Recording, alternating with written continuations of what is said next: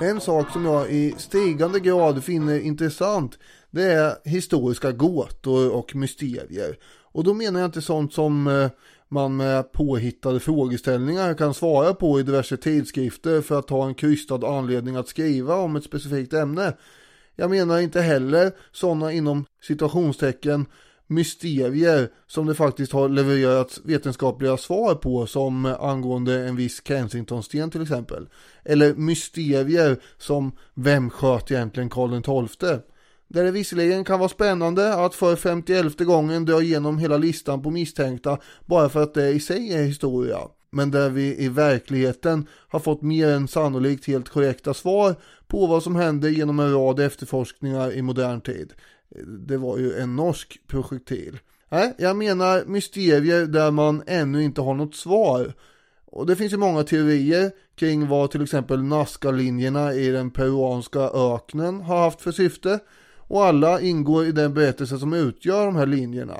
I ett sånt fall är det ju svårt att presentera ett slutgiltigt svar, börjar jag känna. Alla presenterade svar på dylika mysterier tycks bara bli ytterligare en teori. Ungefär som med Palmemordet. Det finns alltid några som inte är övertygade eller har hängt upp sin identitet lite grann på att svaret är något annat än det som har presenterats. Ofta kan mysteriet gälla något som har försvunnit. Men vissa saker är knepigare att leta efter än andra va? Jag gillar ju historier om folk som letar efter den heliga graal. Men jag förväntar mig inte att någon ska hitta den.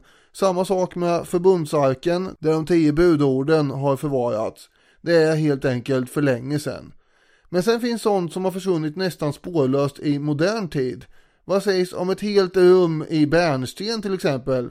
Ja, det låter en smula märkligt, men är helt sant. Det finns både foton på originalet och verkliga kopior av rummet. Men eh, det ursprungliga rummet, det är borta. Teorier om vad det är? Jo då, det finns. Och teorierna är alltid en del av det hela. Men i det här fallet skulle alla teorier faktiskt kunna falla helt platt om rummet i fråga hittades. Men eh, ja, det verkar inte ligga sådär jättenära till hans. Bärnstensrummet har varit borta i 78 år nu. Så eh, sätt dig ner i bilsätet eller fåtöljen, ge dig ut med gräsklipparen, snöra på löparskorna eller plocka ur diskmaskinen, jag gör vad du vill. För här gäller det att du lyssnar innan bärnstensavsnittet också är borta.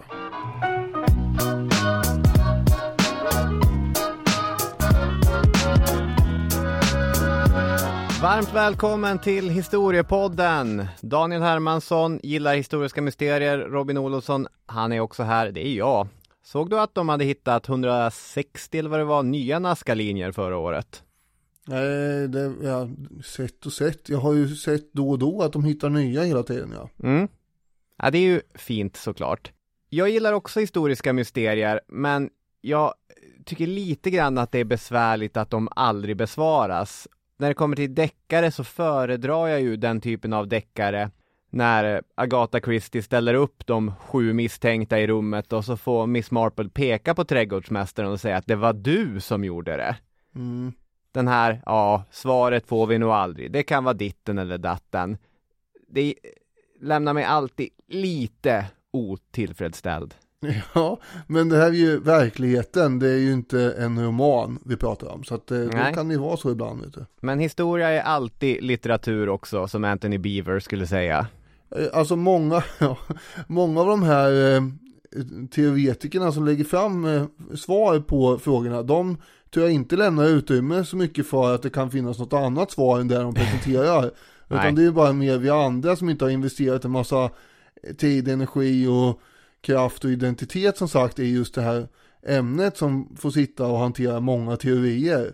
För, för de som är inne i det tror jag att det bara finns ett svar om man har låst sig fast vid det. Så du kanske ska Just göra det. det då? Det är stay behind-rörelsen. Som med Palme. ja. Om man ska... ja, alltså om man tror det, då har man ju svaret. Ja. Härligt att eh, vi är igång med den nya säsongen på riktigt nu. Nu har man landat lite grann eh, efter första inspelningen. Det var ju som eh, att stå mitt på motorvägen och bara se bilar så vi kör förbi åt respektive håll. Man, men... Ja, det var lite, det var lite stapplig kände jag ibland i förra avsnittet ändå. Vad håller jag på med? Så, ja men nu, riktigt bra framåtfart här. Jag tänker, jag har två stycken eh, punkter Mhm. som eh, jag tänkte ta upp. Först och främst, eh, det här är ju då eh, säsongen 2023-2024. När vi kommer in på 2024 så kommer det vara 10-årsjubileum för den här podcasten. Oj, ja. Ja, det är ju härligt och märkligt att tänka på. Och då är det värt att föra på tal att eh, vi fortfarande aldrig har vunnit ett pris, annat än de här gamla eh, podcastpriserna i tidernas begynnelse. Ja, det är också priser visserligen, men eh, ja, du menar de här Daytona som var för länge sedan. Ja, ja men det finns ju så mycket årets folkbildare, årets ditten och datten och att man kan liksom sitta och mala på med historia i ett decennium utan att av ens misstag Du kan nämnas som eventuell, omnämnas i ett sånt sammanhang. lite grann halvnominerad åtminstone, vore ju trevligt. Ja, så jag hoppas att eh, det här är året då vi vinner ett pris. Det slår jag ett slag för. Ja, ibland har vi fått mail ju eh, om eh, saker och ting där någon har blivit eh, utsedd och får något pris och sådär och så ska vi prata om det tänker sig de som mailar oss.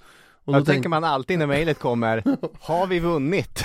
Ja, och sen när man öppnar så tänker man det har vi inte gjort den här gången heller. Nej. Men de har mage att be oss att prata om det i alla fall. Ja, ja, men eh, så här låter det alltså när Robin och jag får man säga är ute med hoven då. Ja, exakt. Sitter du i någon kommitté, nominera oss vet jag. En annan sak man kan göra för att fira tio år av, eh, nästan tio år i alla fall, av eh, idogt podcastande, är att man kan sätta fem stjärnor i sin podcastapp och recensera. Det hjälper oss jättemycket. Då blir vi också jätteglada. Det blir vi.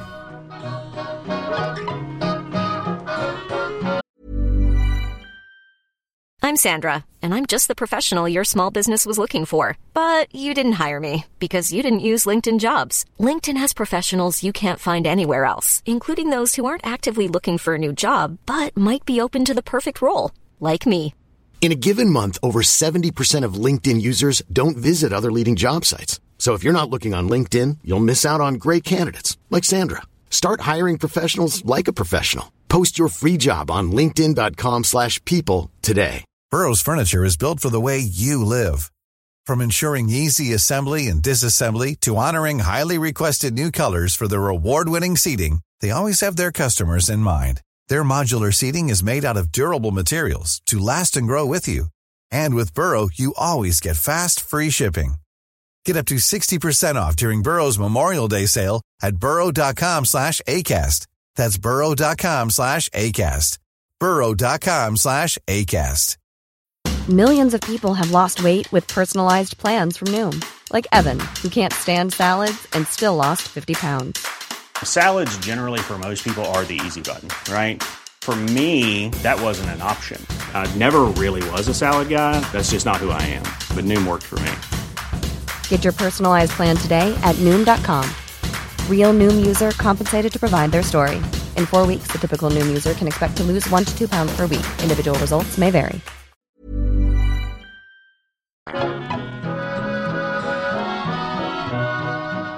Det var en gång för länge, länge sedan, närmare bestämt ungefär 50 miljoner år sedan. Då fanns det stora barrskogar som täckte vidsträckta områden i norr och det hände att de här träden avsöndrade kåda som droppade ner på marken ibland i ganska stor omfattning och i den här kådan kunde då insekter fastna och bli inneslutna som i en evig gyllene bur. Alla som har sett Jurassic Park vet ju att den här gubben går runt med en bärnstens eh, käpp, eller han har ju en bärnstens sten på knoppen, eller som knopp på den här käppen. Du vet, Med gubben. myggan i. Ja, just det. Den kommer man att tänka på. Det är väl en väldigt känd bärnsten där. ja, det, så är det. Bärnsten, det kommer av lågtyskans bernen, vilket eh, betyder bränna. Så etymologiskt blir bärnsten typ lysande eller brinnande sten. Som du säger, den här fossiliserade kådan från barrträden blir ju en otroligt vacker rödbrun, lite honungsfärgad, eller bärnstensfärgad skulle jag vilja beskriva bärnstenens färg som. Det är ju ingen riktig sten då, men eh, de är otroligt vackra. Och eftersom den inte är en sten så har ju bärnsten varit väldigt lätt att arbeta med. Det är mindre jobb att slipa en bärnsten än en diamant liksom. Ja, Så man kan göra smycken och liknande av den. Eller käppar om man är en Jurassic Park-gubbe. Bärnsten är ju inte unikt för Östersjöregionen, men den har ju spelat en särskilt viktig roll för stadsbildningarna kring Östersjön. Där bärnsten har exporterats till medelhavskulturerna tillsammans med pälsar och hudar som ett, eh, en eftertraktad vara. Men bärnstenen erkändes ju också som en slags betalningsmedel i en, eh, i en mer intern handel.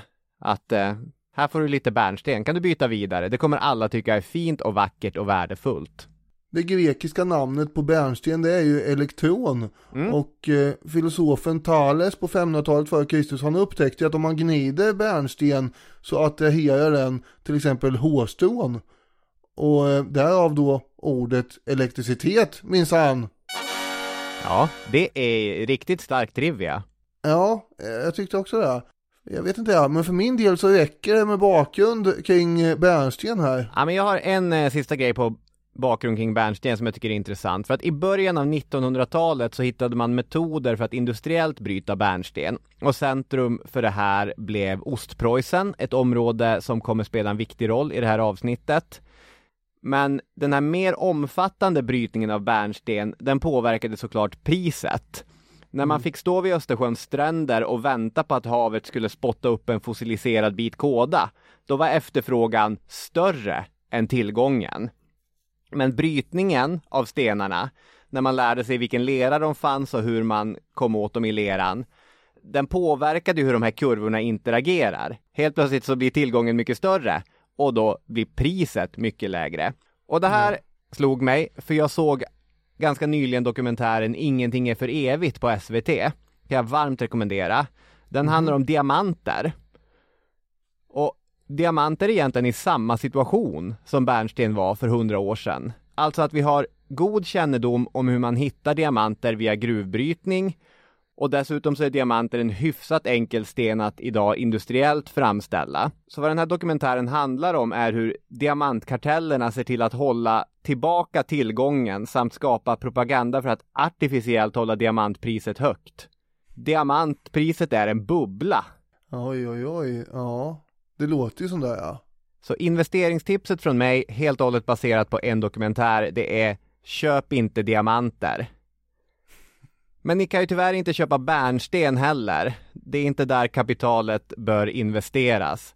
Men på 1600-talet, då var det helt annorlunda. På 1600-talet var det helt annorlunda ja.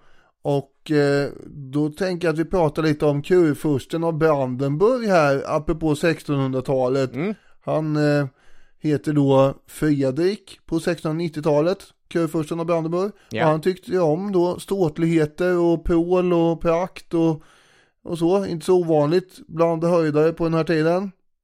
Eller på vilken tid som helst. 1694 så påbörjade han då bygget av ett sommarslott till sin fru Sofie Charlotte. Eh, Och byggmästaren av slottet heter Johan Fredrik Eosander. Det var en svensk medborgare där. Jaha. Ja, han kommer från Stralsund i Pommern och då eftersom Pommern tillhör Sverige så blir man ju medborgare här. Just det, intressant. Vi ska fortsätta prata om, eh, om Fredrik, men jag har en idé eh, framför mig. För jag tänker mig hur han står där strax utanför Berlin. Spanade ut över landskapet, den där vackra heden och utbrister skön, här, här ska jag bygga hustrun Sofie Charlottes sommarslott. Det fick mig att tänka på, förlåt för den här korta grejen, men en av de absolut vanligaste skämtet, det vanligaste skämtet under min barndom, gick så här. En tysk turist står och pratar med en gubbe i byn Wotner.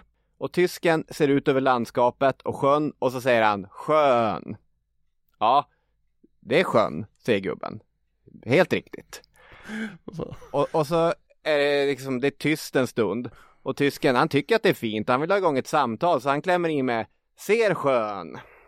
Och gubben svarar, jo då, se sjön, den, den, där är sjön. Tyst igen, lite spänd stämning. Tredje gången tar tysken ton och klämmer i med Wunderschön. Men här måste ändå gubben rätta honom. Nej, nej, säger gubben, det är Wotnersjön. Här? Och liksom, det där skämtet, jag kommer ihåg att min lågstadielärare drog det och, och olika så här kompisar till mina föräldrar drog det. Det var ett oerhört spritt skämt i Arvidsjaur på 1990-talet.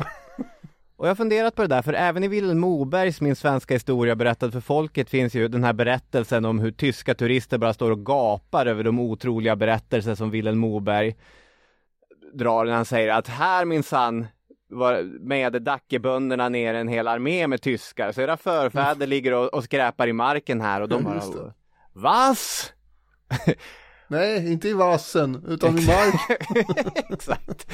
Ja men det verkar vara en bild av tyskar som hade satt sig under så här 70-80-talet när de turistade i svensk obygd, att de bara stod och gapade.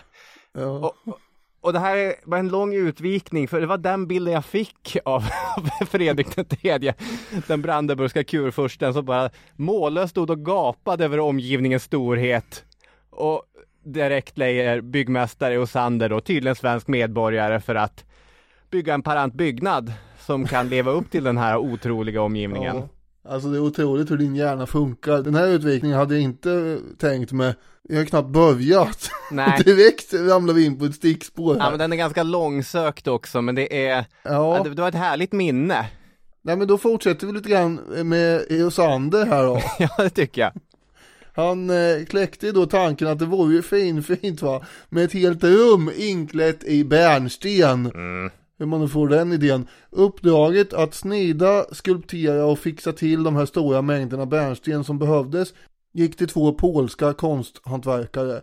Och det blev ju paneler och ornament och stuckaturer och väggmedaljonger och spegelomfattningar och allt möjligt. Ja gud vad de karvar, skär och putsar. Mm.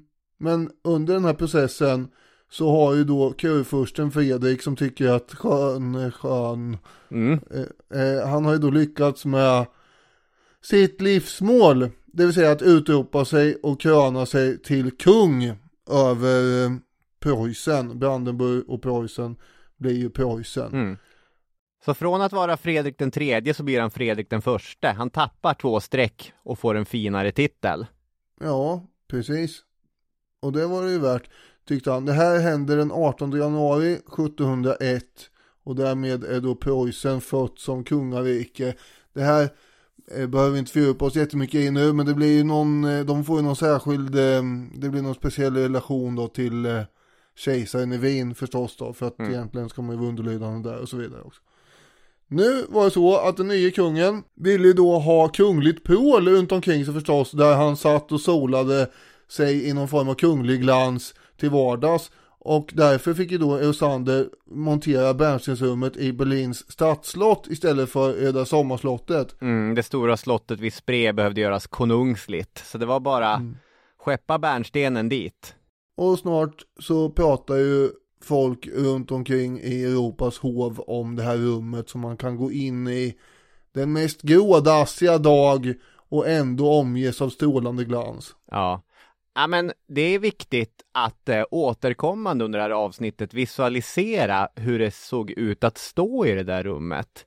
Hur ljuset speglade i den till synes självlysande stenen. Och vittnesmålen menar ju att på kvällen när det började skymma lite grann, då var det otroligt vackert. Det var magiskt. Det var som att det brann i stenen. Så där kunde han stå, kungen av Preussen, och må.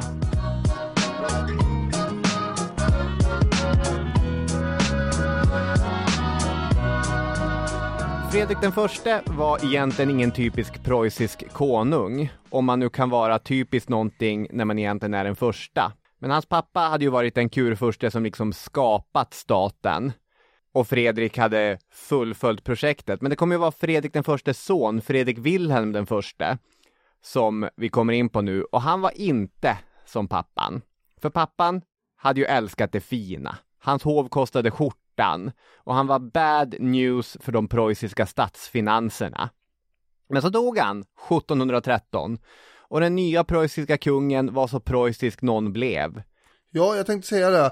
Är det inte så att Fredrik Wilhelm då förkroppsligar vad man, eh, vad, när man tänker på Preussen? Ja, och han skapar väl eh, staten ganska mycket i sin eh, avbild också. Ja. Militären var en stora intresse och Preussen blev, som man brukar säga, inte en stat med en militär utan en militär med en stat. De här adliga junkrarna gick in som officerare i eh, Fredrik Wilhelms armé och Berlin blev, som Stefan Zweig skulle uttrycka det, en kasern. Soldatkungen Fredrik Wilhelm såg ingenting magiskt i solens strålar som dansade i stenen. Det var dött för honom. Jag vet, det har väl inte källor för han kanske tyckte att det var fint också, men det var ingenting som han tillskrev något speciellt stort värde i alla fall. Han var inte lika intresserad av konst, helt enkelt. Nej, han kunde inte förlora sig i en teckning av en påfågel. Nej, är det din... Ja men det kan man ju, är man en viss typ av människa, första gången du ser en teckning på en påfågel, då kommer du fastna på den i en timme. Vad är det här för sagodjur? Eller så kan man tycka att det bara är eh, pynt och krafs. Jag har nog inte sett en sån här då. Jag skulle vilja göra det för att kunna uttala mig. har, du inte sett en, har du inte sett en påfågel eller en teckning av en påfågel? En teckning av en påfågel. Alltså du måste ha sett någon speciell typ av teckning eftersom du kommer att på att tänka och... ja, kanske det. Vi, vi behöver inte fördjupa oss i det här. Nej. 1716 fick Fredrik Wilhelm den första besök av den ryske tsaren också, mm. Peter den store.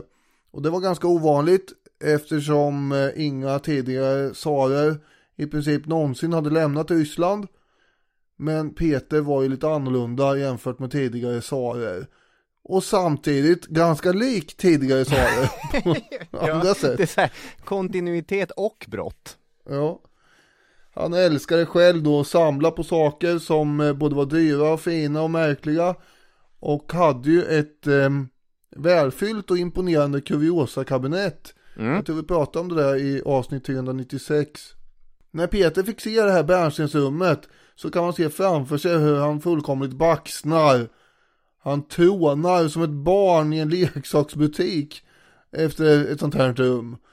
Eh, boken Vad hände egentligen skriver Tsaren blev genast hänförd över festsalens skönhet och oerhörda charm. Väggar, tak och dörrar hade paneler med skulpterad och polerad bärnsten. I fönsterbänkar och vitrinskåp av bärnsten stod schackpjäser, snusdosor, skrin och andra konstfullt förfärdigade ting. Alla av samma dyrbara material. Bärnstenens varma, ständigt skiftande färgton förlänade rummet en överväldigande glans. Ja, så det är ju, det är inte konstigt att han blir till sig över det här. Nej, det är nog ett mycket vackert rum och han är ju rysk tsar, Sankt Petersburgs grundare, förnyaren. Det är väl ingenting som ligger bortom hans eh, räckvidd. Han har också, han har ju många biografier skrivna om sig. Men, eh, Känd person. Ja, Henry Tuja har skrivit en i alla fall. Och i den biografin så tar han faktiskt inte upp då själva bärnstensrummet vad jag har sett. Men det framgår hur han behandlar sin fru Katarina som sen också efterträder Peter som Katarina den första. Och eh, det här handlar ju då om besöket i Berlin. Och då skriver Tuja så här. Då Peter med sin eskort besökte kabinettet för medaljer och antika skulpturer i Berlin blev han högst förtjust i en statyett som föreställde en hednisk gudomlighet i en synnerligen oanständig ställning. Fräck som han var begärde han att Katarina skulle kyssa den otuktiga figuren inför alla de närvarande. Hon ville slingra sig undan, skriver markgrevinnan. Ett vittne då alltså, eh, och här kommer citat från nämnda markgrevinna. Han fattade humör och sade till henne på dålig tyska. Jag ska låta halshugga er om ni inte lyder. Saritsan blev så skrämd att hon gjorde allt vad man begärde. Och sen tog jag igen. På sitt vanliga ogenerade sätt bad Peter sedan kungen att skänka honom denna ytterst sällsynta pjäs. Motvilligt gav Fredrik Wilhelm efter för sin gästs begäran. Uppmuntrad av detta frågade Peter ytterligare om han inte kunde få tillåtelse att ta med sig ett skåp som var klätt i bärnsten. Också på den punkten gav kungen efter trots att möbeln i fråga kostat honom mycket pengar. Slutcitat. Ja, här nämns ju då ett skåp av bärnsten. Mm. Men i slutändan så lyckas ju Peter tjata till sig hela bärnstensrummet faktiskt. Ja. Alltså här är ju berättelserna, och nu tittar jag på dig som en auktoritet här, för berättelserna skiljer sig ju ganska mycket här. Jag har ju stött på bärnstensrummet tidigare när jag har lekt med tanken på att göra ett julavsnitt som skulle ha tema typ historiens eh, största presenter och gåvor och klappar och sånt. Och där omnämns ju ofta bärnstensrummet som en mycket extraordinär gåva. Tänk att Fredrik Wilhelm, den preussiske kungen, gav den ryske tsaren det här bärnstensrummet i present. Ja, Men alltså som jag har förstått det så köper ju tsaren bärnstensrummet. alltså man kan väl säga att det är motpresenter som kommer att komma sen. Ja, Det är väl det det är. Och, eh, skatteteknisk lösning. Ja, eller något sånt. Dessutom så är ju hans intresse lite svalt för eh, dylika ting, alltså Fredrik Wilhelm. Mm. Men han är mer intresserad av eh, politik och eh, militära ändamål. Till exempel erövra Pommern var ju trevligt och eh, det vill han ju då ha politiskt stöd för att göra och eh, vill då ha stöd alltså från eh, Peter den store med hjälp mot svenskarna då. Och det här är ju 1716 eh, då det stora nordiska kriget alltjämt rasar. Karl XII vid liv och i krig egentligen då mot eh, tsaren. Så det kan inte vara jättesvårt att klämma ur sig det stödet för Peter. Men sen eh, förvisso så får ju inte den preussiske kungen Pommern ändå. Men han fick i alla fall just då i det läget stöd av eh, för att få Pommern i ett senare läge mot bärnstensrummet. Just det. Ja, men för det jag började tänka på är att eh, man kan ju konstatera att återigen, som i fallet med Bayerns galne kung som eh, investerade vansinniga summor i att bygga fantasislott och ruinerade staten, men eh, idag så har det varit en plusaffär för att alla vill åka till München och titta på de här vackra slotten. Det, det såg ju ut som en, en väldigt eh, farlig investering, men i själva verket var det en bra investering. Över väldigt lång sikt ja. Ja, eh, jag tror slotten var billigare än vad Bayern München har betalat för Harry Kane också, så att det är liksom eh, det, ja. kan ställa olika eh, bayerska investeringar mot varandra. Men här har vi ett helt rum snidat i bärnsten. Det låter ju som någonting som ska vara svårt att sälja vidare, eller någonting som det kommer vara svårt att gå plus på. Men det verkar ju som att eh, Preussen redan här kan räkna hem pengarna från de där äh, polska konstsnidarna och materialkostnaderna och så. Daniel Rydén skriver ju i sin bok om historiska mysterier i utbyte mot bärnstensinredningen fick Fredrik Wilhelm inte bara löfte om ryskt stöd i kampen mot svenskarna i Pommern, utan också tsarens personliga jakt, Die Krone, samt 55 fullt utrustade gardesoldater, alla mer än 1,90 i strumplästen. Kungen av Preussen samlade på långa soldater. Det låter ju som att Preussen har gjort en bra affär. Ja, eller så har Fredrik Wilhelm gjort en bra affär. För han är väldigt intresserad av sådana här eh, grejer som gardesoldater som är långa. Ja, Sen eh, vet vi ju inte om man omsätter det i kronor och ören så att säga om det var gynnsamt för staten. Men å andra sidan så var väl både tsaren och kungen av Preussen, de var ju lite grann staten båda två. just det.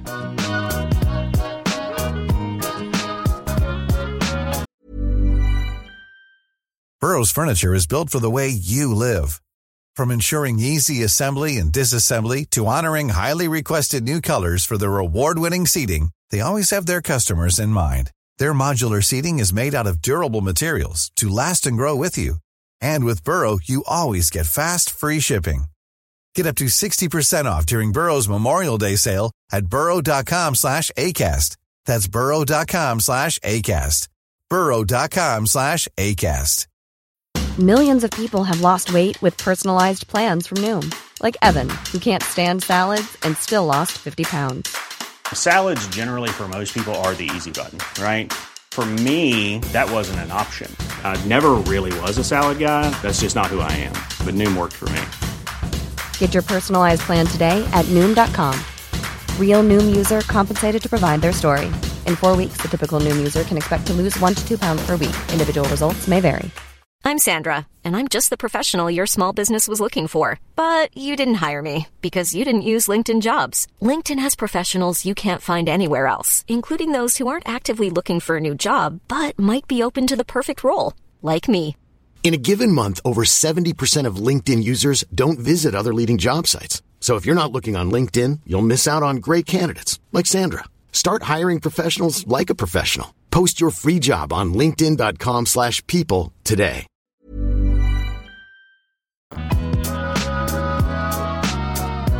Och då kommer alltså bärnstensrummet att anlända till Sankt Petersburg 1717.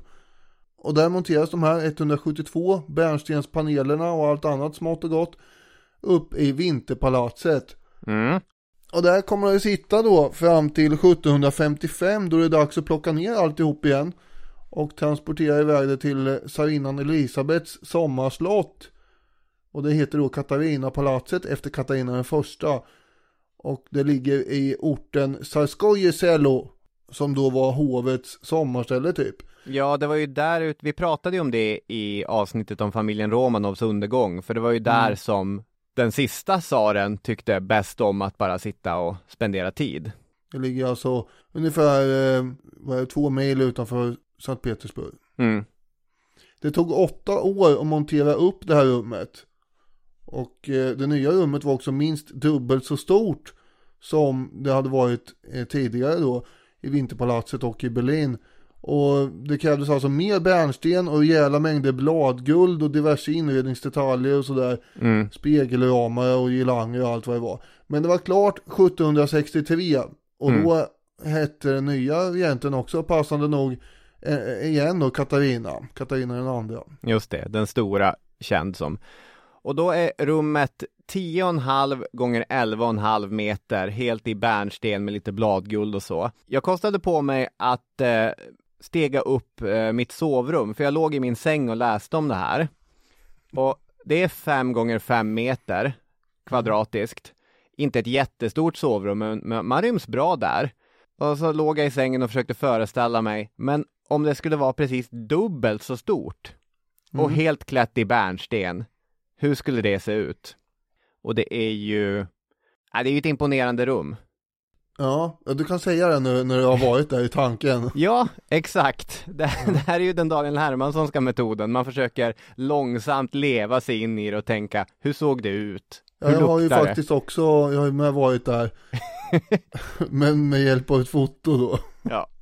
Folke Szymanski citerar i populärhistoria en rysk konsthistoriker från tsartidens Ryssland. Det är ganska vagt tidsbegrepp, eh, tsartidens Ryssland, men eh, citatet är talande. Då står det Bärnstensrummets stil är en blandning av barock och rokoko och ett sant underverk. Inte enbart på grund av materialets stora värde, det konstfärdiga snideriet och lättheten i formerna, utan framförallt genom den vackra, ibland mörka, ibland ljusa, men alltid varma tonen i bärnstenen som förlänar hela rummet en osägbar tjusning. Alla väggarna i salen täcks av en mosaik av i form och storlek olikartat polerade bärnstenstycken, vilka likväl har en likartad gulbrun färg.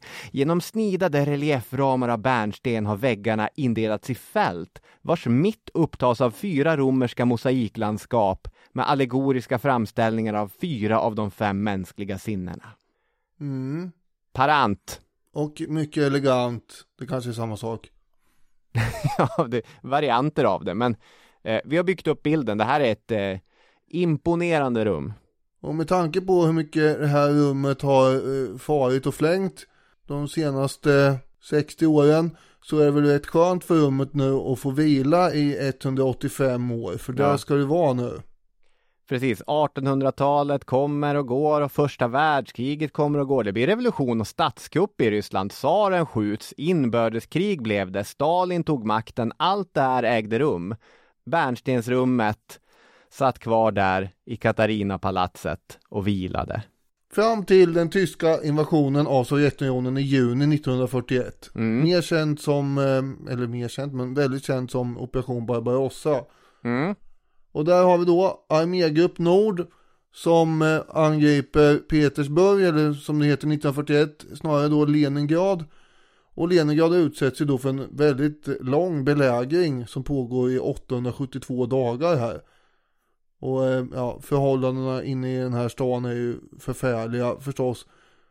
Jag såg eh, någon dokumentär för flera decennier sedan där de påstod att invånarna åt soppa på lim och bröd av sågspån och sånt där. Jag vet inte, det låter ju inte klokt. Men de åt ju råttor och varann med till slut enligt vissa rykten.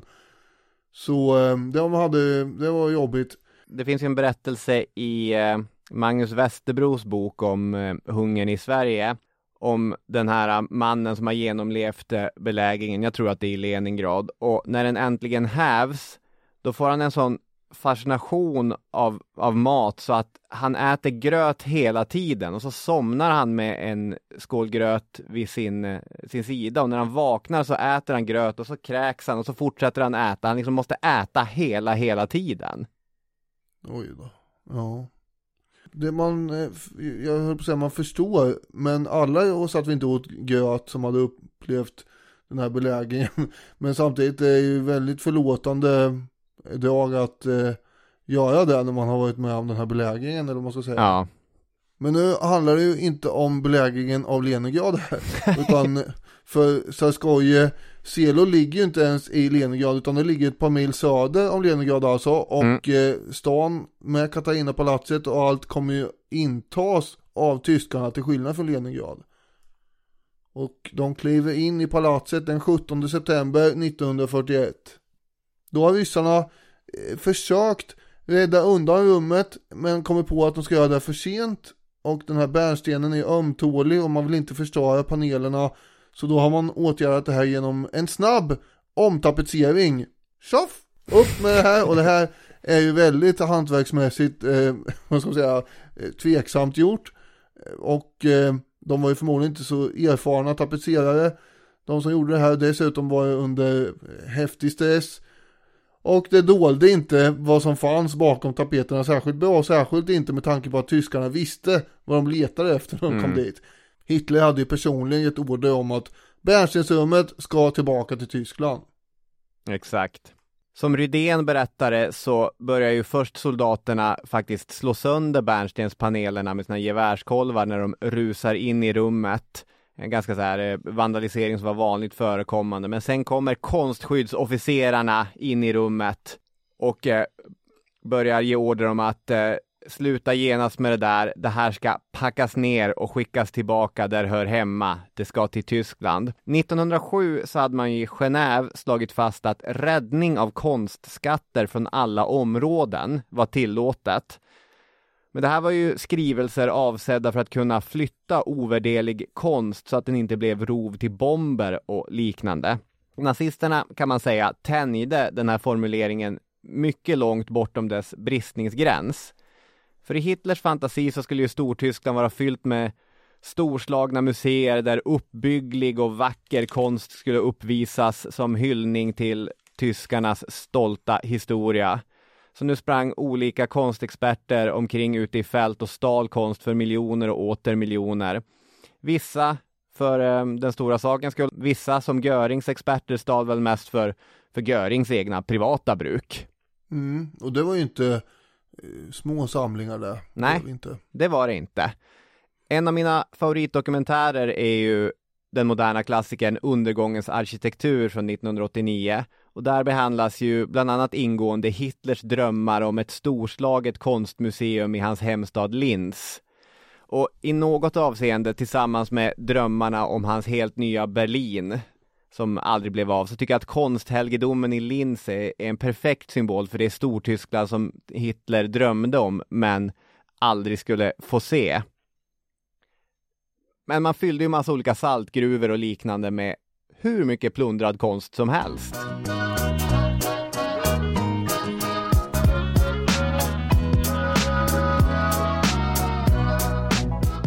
Ja, det tog 36 timmar för tyskarna att montera ner det här rummet och sen placerar man eh, grejerna i 27 stora trälårar som åkte iväg på 18 lastbilar västerut. Och efter några veckor så kommer de här lastbilarna till Königsberg. Mm. Och där satt ju då den ökände Erich Koch som guvernör för Preussen. Han var också rikskommissarie i det erövrade Ukraina och eh, var Eh, representant för en väldigt brutal politik. Och det här kan illustreras bland annat genom eh, citatet Om jag träffar en ukrainare värd att sitta vid mitt bord, ja då måste jag skjuta honom först. Och det första han gjorde i Ukraina var ju att stänga ner skolorna eftersom utbildning för ukrainare var helt onödig. Men han satt ju på två stolar som sagt och han var dels eh, rikskommissarie där i Ukraina men också guvernör i Preussen. Och det var väl han som argumenterade för att Königsberg är ju Preussens, eh, ja vad ska man säga, säte nu för tiden och därför så måste ju då bärnstensrummet föras hit. Och det direkta ansvaret för bärnstenspanelerna det lades då på konsthistorikern Alfred Råde som väldigt förtjust tog emot de här bärnstenspanelerna. Fånigt leende, tindrande ögon, ihopslagna händer som om han betraktar en gammal kärlek när man börjar då lassa ur det här. Och han gav ju genast order om att det här måste monteras upp i eh, ett av rummen här i Königsbergs mm. slott. Det är ju, även om det en gång i tiden satt i preussiska slott och beställdes av tyska härskare, det här är ju inga stulna beninska konstskatter, utan det här är ju grejer som ryssarna faktiskt har, har fått och eller köpt. Mm. Ja, så är det ju. Men bland annat Råde och kanske framförallt Hitler ser ju det här som att nu återvänder det till där det egentligen ska vara. Det är tyskt. Precis. Och under våren 1942 så öppnar man då upp portarna för allmänheten. Nu är det bara att gå in här och njuta av bärnstensrummet för Königsbergsborna och alla andra som eventuellt åker dit på någon utflykt för att se det här. Mm. Det kanske har tappat lite av sin prakt på vägen då när man har packat ner det här fram och tillbaka. Det var en del tavlor som är borta ju, en del paneler saknas och lite sniderier och sånt där. Sen är det fortfarande världskrig också och det är inte läge att sitta och drömma sig bort allt för länge i den här bärnstensglansen kanske. Det kommer ju hot om flygbombningar över Königsberg eh, framåt 1944. För att eh, det är ju det man håller på med vid det här laget, att flygbomba varandra fram och tillbaka. Ja. Och då tar ju rådet beslutet att montera ner det här omkringresande rummet i sina beståndsdelar igen. Mm. Och alltihop läggs i stora lådor och så magasinerar man det här i slottets källare. Eller om det var i någon sal på tredje våningen. Det finns olika bud på det här. ja, precis. Men visst är det, det är mars 1944 som det magasineras. På ett eller annat ställe. Det verkar som det, ja. Ja, och i augusti samma år förvandlade de allierades bomber staden till något av en ruin. April året efter kom Röda armén marscherande. Mm. Och det dröjde inte länge innan den sovjetiska konstexperten Viktor Barsov stod i Königsbergs slott med frågan eh, Var är den här samlingen bärnsten ni har tagit? Ja, men han sa det inte på tyska för han kunde inte ett ord tyska. Nej, det gjorde han ju inte. Men någon eh, översatte ju och eh, någon blev väl då den här Rode till slut för att man hittade ju honom, Alfred Rode och hans fru levande och eh, då tog man ju hjälp av dem just för att han kunde inte tyska. Nej, precis. Som tack fick de sin försörjning garanterad och som det brukar berättas då så ska Rode inledningsvis ha ägnat sig åt arbetet med att hitta försvunna föremål och så med gott humör, leende på läpparna och så. Mm. Men sen, och nu blir det typiskt vag populärhistorisk prosa, dök en annan okänd tysk upp. Det kommer en okänd tysktalande man och börjar hänga runt rådet och då blev makarna Råde som personlighetsförändrade. Nervösa och dana. Ja, just det. De eh, blev nervösa så fort det var tyskar de inte kände som blev inblandade här. Ja. Och man... De har, har kanske något att dölja. ja, har de något att dölja? Sovjetiska soldater kommer på rådet med att och elda papper. Det här är ändå en ganska misstänkt sysselsättning, får man ju säga. Eller? ja, absolut, det är det. Några dagar senare så försvinner också paret rådet. Mm. Och istället får Barsov en dödsattest för båda makarna i handen. Fläcktyfus. Ja, det var snabbt och effektivt borta där. Ja. Emellertid kunde man ju då inte spåra upp läkaren som hade utfärdat det här, eller kropparna. Nej. Um, Nej och det är misstänksamt. Är ju... Ja, det får man ju säga. Det är någon form av krydda i detta. Mm. Och i vissa versioner av berättelsen påstås det ju då att, eller sägs det att de papper som rådet har stått och, och eldat, de går man och letar reda på nu och börjar översätta. Och då verkar det som att de papperna ska ha handlat om vad som hände med bärnstensrummet eller slagit fast att det fanns där i slottets källare. Ja, det är vad jag har i alla fall fått fram att det verkar som det, att då fick man veta att det har funnits här åtminstone. Det hade inte rådet nämnt något om tidigare. Nej. Barsov misstänkte ju att eh, de hade blivit mördade, de här makarna Råde, av tyska agenter som oroade sig för att han skulle avslöja var bärnstenen hade tagit vägen. Mm. En annan vanlig gissning är att de uppmuntrades att ta sitt eget liv. Sen är det är väl en hårfin skillnad där men. Boken Vad hände egentligen? Eh, sammanfattar kan man säga det hela så här. Det omedelbart inledda sökandet efter bärnstensrummet i slottsruinerna blev resultatlöst. Inte minsta skärva av det hittades. Ryssarna undersökte alla tänkbara gömställen i och kring Königsberg. Igenfyllda källare grävdes ut och fabriksbyggnader och lagerlokaler genomsöktes noga, men inget hittades. Mycket tydde på att nazisterna hade lyckats smuggla ut bärnstensrummet ur staden.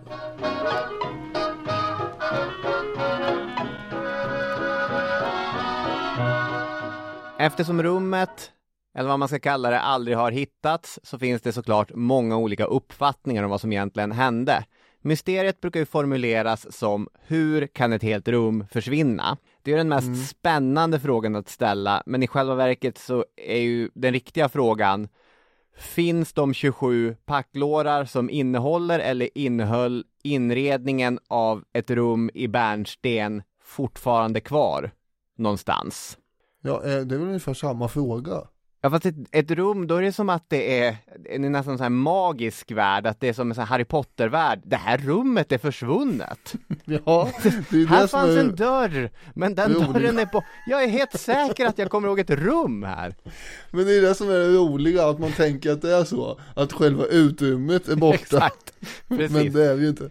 Ja, det, är, Nej, okay, det är väl också borta, men av andra anledningar. Ja det är vi ju, när det gäller Königsberg så är vi ju där, men Ja, men så det finns massa olika eh, teorier, idéer, uppfattningar och vi ska väl gå in på dem. Folke Szymanski i populärhistoria har sammanfattat det som fyra olika generella trender som de här hundratals olika idéerna eh, faller inom.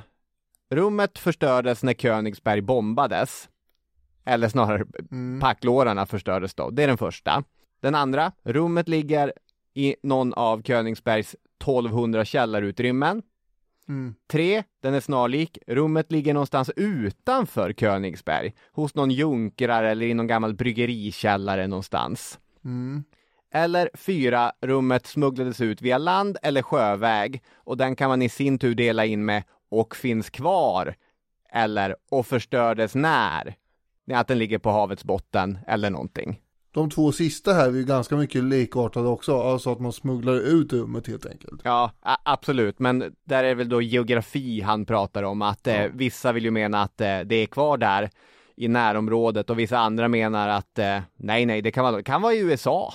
Den första till exempel, som går ut på att eh, britterna bombade sönder hela härligheten när de bombade Königsberg, är ju inte osannolik eftersom, som du sa innan, Bärnsten är inte sten. Det är högst eldfängt och brinner.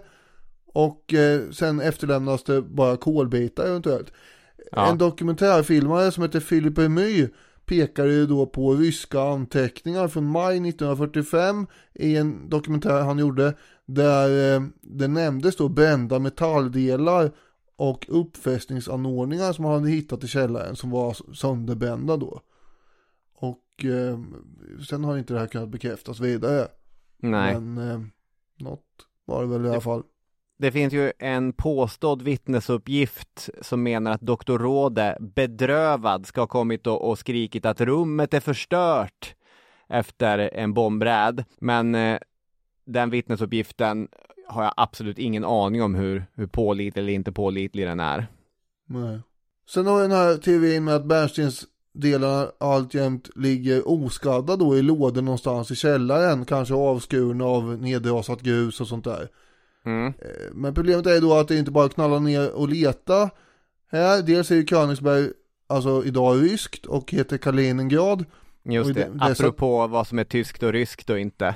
Ja, och i dessa tider är det ju inte bara att traska in där direkt och, och börja gräva. Och även om det var det så är det så att Brezhnev sovjetiska diktatorn på 70-talet lät ju jämna hela slottet med marken 1968. Mm. Så eh, det finns ju inte kvar det här slottet och då, Nej. alltså rummet finns ju inte heller kvar som du var inne på. Nej. Och sen har man ju då också grävt på olika platser här där källaren var utan att hitta något ju sägas. Ja. De som tror och hoppas att eh, rummet fortfarande finns kvar, det som talar lite grann till deras fördel är ju att eh, nazisterna var väldigt noga med att skydda värdefulla konstföremål. Mm. Eh, Szymanski poängterar att eh, de brydde sig mer om värdefulla konstföremål än vad de gjorde om människor. Mm. Och det finns andra exempel på konstskatter som bevarats hos olika ostpreussiska junkrar eller som har dykt upp i diverse bryggerikällare. Så att det inte är att man bara griper efter halmstrån utan det är Nej. ju inte otroligt att så har skett. Men om det fortfarande låg kvar i något gods eh, någonstans eller i någon källare till en bryggerilokal då borde man ju ha hittat den nu, Ja, tänker man. jag vet. Då är det väl troligare då eh, med de som har kört på spåret med gruvschakt eftersom eh, tyskarna som du sa innan också ofta förvarade konstskatter i gruvschakt, saltgruvor och så vidare. Det var Mm. de vanligaste platserna för de här gömställena ju. Förutom då slottet Neuschwanstein som eh, de också hade en massa grejer på. Just det, apropå Bayern. Apropå det. På 60-talet så var det en George Stein som eh, länge letade i de här saltgruvorna runt eh, som det hette. Där hade nämligen tyskarna bevisligen då gömt en del konstskatter under kriget för det hade man hittat. Men sen eh, råkade någon explosion stänga igen hela det här gruvschaktet och då försvann ju möjligheten att undersöka det där vidare. Men det verkar som att den här idén om att det fanns där byggde på ett missförstånd utifrån något eh, protokoll som den här Mm. Stein hade hittat. Mm. Så är det ofta känns det som. Ja, det är det. Men sen har vi en 80 år gammal skattjägare som heter Klaus Fritzsche. Jag säger hette för jag vet inte om han lever fortfarande. Men det här var inte så länge sedan i alla fall. Han hade fastnat för en underjordisk fabrik för flygplanstillverkning. Det fanns många tunnlar och utrymmen under marken då eh, där 12 000 slavarbetare skulle producera flygplan i slutet av kriget. Eh, och det hade visserligen varit en massa representanter för DDR som har rotat igenom hela det här gruvområdet under lång tid och inte hittat någonting. Men det brydde sig inte Fritzsche om utan han trodde att bärnstenen ligger där någonstans i någon tunnel som har förslutits med dynamit och så. Och ger man sig bara fanken på, det är det här menar, om, om man verkligen tror på något då spelar inga andra argument någon roll. Och då är det, det är stay behind. Ja. Det, det är det som gäller. Nej, så är det ju. Det är, det är helt sant. Tänk att det aldrig blir så i Indiana Jones-filmen att han bara tar fel. Det, det, det fanns inte där i gruvschaktet. Det var som Atta. Nej, det är nog eh, skillnaden på att vara arkeolog i, Hollywoodfilmer och i verkligheten. Att ibland hittar man inte grejer. En eh, spänstig förklaring som blev populär under kalla kriget, framförallt från sovjetisk håll, det var att eh, rummet kan finnas eller har försvunnit på väg till USA. För det Ja, går ju att belägga att det förekom eh, rov på värdefull konst från amerikanskt håll när man befriade tyska städer. Det var en och annan amerikansk soldat som kostade på sig att plundra och, och röva lite grann. mm, Och då spann man vidare på om det skedde i de här fallen, kan det ha skett med bärnstensrummet? Och det är ju såklart en kittlande tanke att i en källare någonstans i amerikanska mellanvästern finns det ett rum av bärnsten där det sitter någon gammal veteran med ett glas whisky och skrattar hest.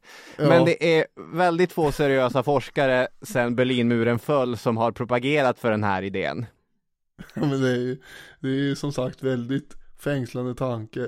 Jag tänker att han sitter och röker cigarr också. Kan han göra. Kanske läser eh, en bok om Fredrik Wilhelm den första eller något. Ja, inte omöjligt. En annan variant som lanserades med mycket kraft 2016 kom från den polske historikern Plebansyk. Han jobbade då på museet i den polska orten Mamerki Mhm. och eh, de här idéerna då utgår från vittnesmål av en tysk vakt efter kriget. Som 1944 ska ha sett hur soldater fraktade in tunga lass från en lastbil ner till en bunker som gömdes i skogen runt den här polska orten man märker då. Och man har med modern radarscanning av bunkern visat att det fanns ett okänt rum i det på 3 gånger en och en halv meter. Och eh, Plebansik har ju då nöjt konstaterat att vi tror att bunkern innehåller de stulna föremålen från bärnstensrummet. Mm. Men även annan stulen konst. Det råder åtminstone inget tvivel om att utrymmet är byggt för att dölja skatter. Man känner igen den här typen av nyheter. Det kan väl såklart eh, vara där den ligger. Det finns ju en Fast, annan... fast Ja. nu är det ju så att det har ju gått då några år va. Och eh, det här var 2016, vi är 2023 nu. Och vi har inte hört ett jota mig vetligen från Plebansik efter det här. Kan vi inte anta att det inte fanns några skatter i det där rummet då? Har han tagit sig in i rummet? Det är det jag undrar. Eller bunkern? Ja. Det har, måste han väl ha gjort. Ska vi 2020, ta? 2021 så var det ju polska dykare som hade hittat det tyska fartyget Karlsruhe sänkt Ja. i april 1945. Och då var det egentligen samma historia igen. Då slog man på stora trumman och gick ut med att vi tror vi vet vart rummet finns. Ja det här gick ju till och med TV4 ut och gjorde inslag om. Mm. Ja men den allmänna poängen, för de här nyheterna känner man ju igen. Antingen så är det försvunna bärnstensrum, men ännu oftare så är det ju att man har hittat någon hålighet i Egypten. Tänker att där är den försvunna faraonen, just den som vi alltid har letat efter. Och det kan ju vara så i Egypten, i Polen, på Östersjöns botten, att det är just där det ligger. Men det handlar ju också om att bärgning, om att ta sig in i begravda bunkrar, om att göra arkeologiska utgrävningar i Egypten kostar pengar. Mm. Och för att få finansiering så måste man skapa buzz och intresse för just det projektet man själv håller på med. Och att gå ut i pressen och säga att man har löst ett känt historiskt mysterium, jag menar, du ser ju, då hamnar man i TV4. Ja men man har ju inte löst det förrän man har löst det. Om man tänker att man ska presentera det som löst för att få resurser att lösa det, då är vi ju i fel ände. Är inte det på något sätt, blir inte lite pojken och vargen här? Jo, jo, jo, men jag menar om du inte får eh, kapital till att bärga Karlsruhe så kommer du ju, då får du ju ingenting gjort. Nej. Men polackerna verkar ju rätt intresserade av att försöka med det här, för det där har man i alla fall kollat upp ju. Den senaste artikeln som sagt jag läste om det här var ju från 2021 och då var ju polska dykare och bärgningsbåtar och jag tänker, de har hållit på i två år, borde de inte ha fått upp någon liten bärnstensgrej? bärnstenen? Ja, och inget har hörts. Så att vi kanske kan anta att det inte fanns på Karlsruhe heller. Det här byggde ju bara på att vissa historiker hade spekulerat i det. Andra historiker har ju spekulerat i att eh, bärnstenen var på Wilhelm Gustloff, eh, ett annat fartyg som lämnade Königsberg när ryssarna kom och som sänktes av en sovjetisk ubåt i januari 1945. Det var ju ungefär 9 500 människor som omkom med Wilhelm Gustloff och kanske försvann även bärnstensrummet i djupet med det här fartyget. Just det. Så att det finns ju fler fartyg som har pekats ut och jag menar man måste väl visa upp någon litet gram bärnsten åtminstone om man ska hävda att det var på någon av dem. Var tror du att bärnstensrummet finns? Jag vet vad det finns. Eh, det finns, eh, Så fegt svar. Absolut, det finns en replika. ja det finns i Katarina-palatset ju. För det har man ju då påbörjat 1982 och så blev det klart 2003. Kostade väl i runda slängar 100 miljoner. Jag vet inte vad det är för valuta på de 100 miljonerna men jag antar att det är kronor. Mm. Hoppas jag. Men som sagt, det är ju billigare att bygga bärnstensrum nu för tiden när det är lägre materialkostnad. Just ja, det är det med.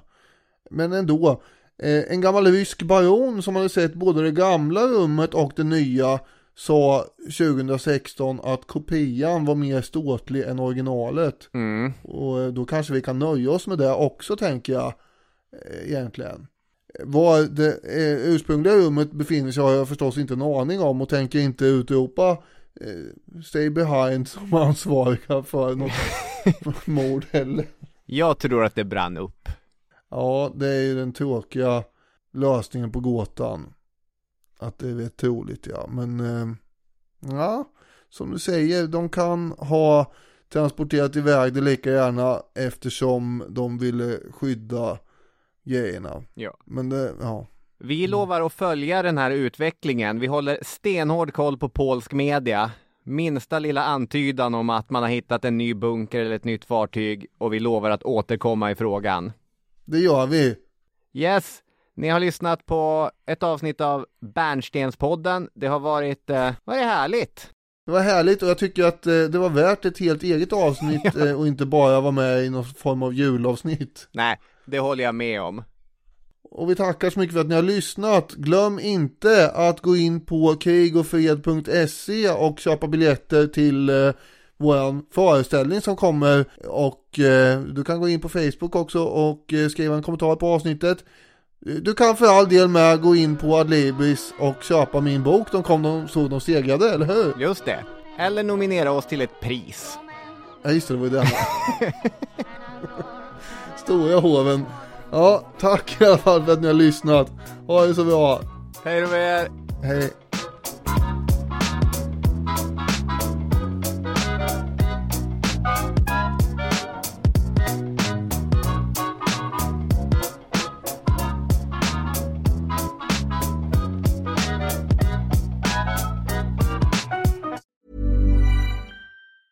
Even when we're on a budget, we still deserve nice things. Quince is a place to scoop up stunning high-end goods for 50 to 80% less than similar brands. They have buttery soft cashmere sweaters starting at $50, luxurious Italian leather bags, and so much more. Plus, Quince only works with factories that use safe, ethical, and responsible manufacturing. Get the high-end goods you'll love without the high price tag with Quince. Go to quince.com slash style for free shipping and 365-day returns. Without the ones like you, who work tirelessly to keep things running, everything would suddenly stop. Hospitals, factories, schools, and power plants, they all depend on you. No matter the weather, emergency, or time of day, you're the ones who get it done. At Granger, we're here for you with professional grade industrial supplies. Count on real time product availability and fast delivery. Call clickgranger.com or just stop by. Granger for the ones who get it done.